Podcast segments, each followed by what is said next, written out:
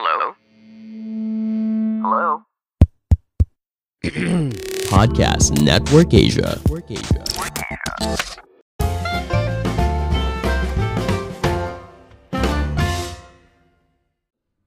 Halo semuanya, kembali lagi bersama saya Madianto. Kali ini kita akan membahas tentang belajar dari warga kampung miliarder di Tuban yang sekarang jatuh melarat. Inilah cara cerdas merencanakan keuangan dengan belajar dari mereka. Jagat media sempat dihebohkan dengan tersulapnya satu kampung menjadi miliarder secara mendadak akibat mendapat rezeki nomplok dari pembebasan lahan milik warga sekitar.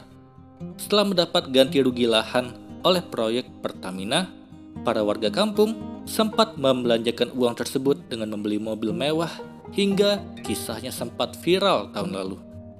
Agustina Fitria selaku perencana keuangan dari One Seal Financial Independence mengatakan pentingnya melakukan perencanaan keuangan ketika seseorang mendapatkan rezeki yang tidak biasa dari penghasilan sebelumnya.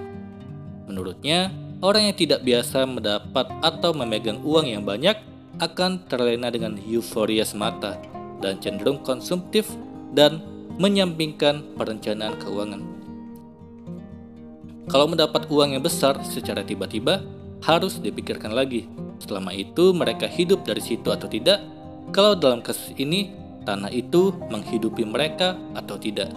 Kalau memang uang yang didapat dari menjual apa yang menjadi sumber kehidupannya, maka seharusnya uang yang didapat harus diubah menjadi sumber penghidupan yang baru. Misalnya membeli rumah kemudian dikontrakkan atau membeli kios di pasar kemudian disewakan. Kalau itu daerah wisata, mereka bisa bangun properti atau kalau di desa bisa membelikan hewan ternak. Sebab itu, menurutnya perencanaan keuangan juga menjadi penting untuk menyiapkan kebutuhan keluarga di masa depan.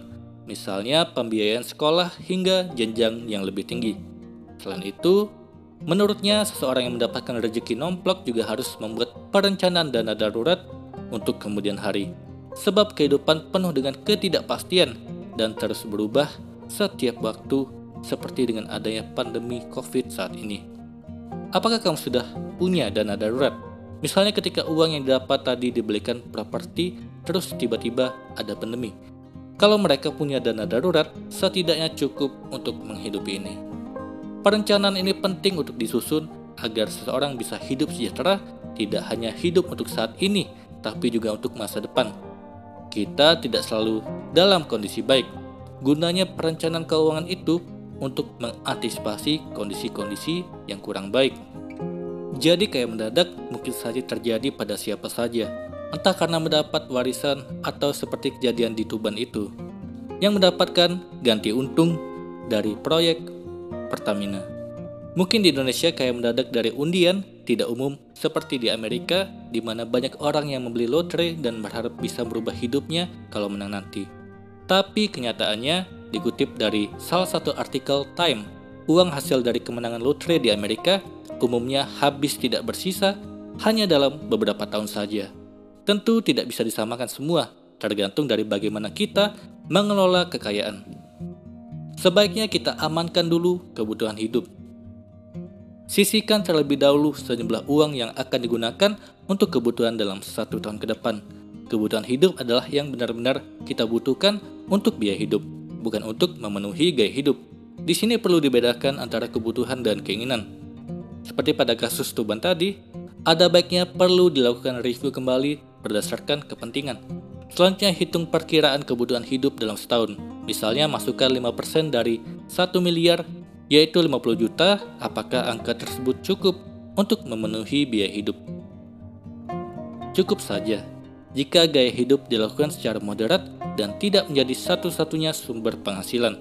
Artinya, kalau sebelumnya kita memiliki pekerjaan utama, maka setidaknya tidak langsung berhenti dari pekerjaan dan hidup santai dengan uang kaget yang diterima.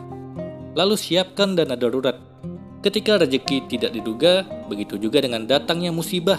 Kita tidak pernah tahu kapan dihadapkan dengan kondisi darurat yang memaksa kita mengeluarkan dana lebih banyak Dana darurat merupakan pondasi yang sangat penting dalam perencanaan keuangan karena bisa saja terjadi hal yang tidak diinginkan terhadap keuangan kita.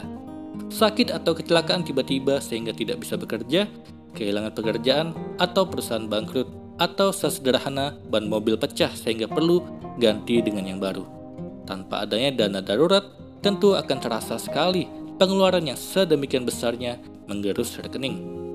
Amankan dana darurat setidaknya 6 bulan sampai dengan 12 bulan dari penghasilan. Hampir serupa dengan poin tadi, dana darurat digunakan untuk mengcover kebutuhan hidup kita minimal untuk 6 bulan ke depan kalau terjadi sesuatu hal yang tidak diinginkan dengan penghasilan yang dimiliki. Lalu amankan nilai ekonomis. Apa itu nilai ekonomis? Istilah ini erat kaitannya dengan perlindungan, terutama kalau kamu memiliki tanggungan secara finansial seperti istri atau suami, anak, adik, dan orang tua. Sebagai manusia kita memiliki nilai ekonomis. Sederhananya adalah berapa yang bisa kita hasilkan dalam hidup kita atau nilai hidup kita sehingga bisa memenuhi kebutuhan. Lalu investasikan sesuai dengan tujuan keuangan. Apakah satu miliar itu cukup? Pertanyaan ini sebenarnya sangat subjektif karena tergantung dari kebutuhan dan kondisi masing-masing. Uang kaget atau bukan akan cepat habis tak bersisa kalau dibelanjakan tanpa pengelolaan yang baik. Mendapat dana besar tanpa diduga bisa memperbesar kemungkinan tersebut karena bisa jadi usaha yang kita keluarkan tidak sebesar jika kita mendapatkan sebagai hasil kita bekerja. Pintu rezeki sudah ditentukan bahkan sebelum kita dilahirkan. Yang perlu dipikirkan adalah bagaimana caranya agar rezeki yang diterima bisa dikelola dengan baik dan memberi manfaat dalam hidup. Itulah tadi pelajaran yang bisa kita dapat dari Kampung Tuban dan cara mengelola uang 1 miliar. Semoga ini bermanfaat. Sekian dan terima kasih. Pandangan dan opini yang disampaikan oleh kreator podcast, host, dan tamu tidak mencerminkan kebijakan resmi dan bagian dari podcast Network Asia. Setiap konten yang disampaikan mereka di dalam podcast adalah opini mereka sendiri dan tidak bermaksud untuk merugikan agama, grup etnik, perkumpulan, organisasi, perusahaan, perorangan, atau siapa pun dan apa pun.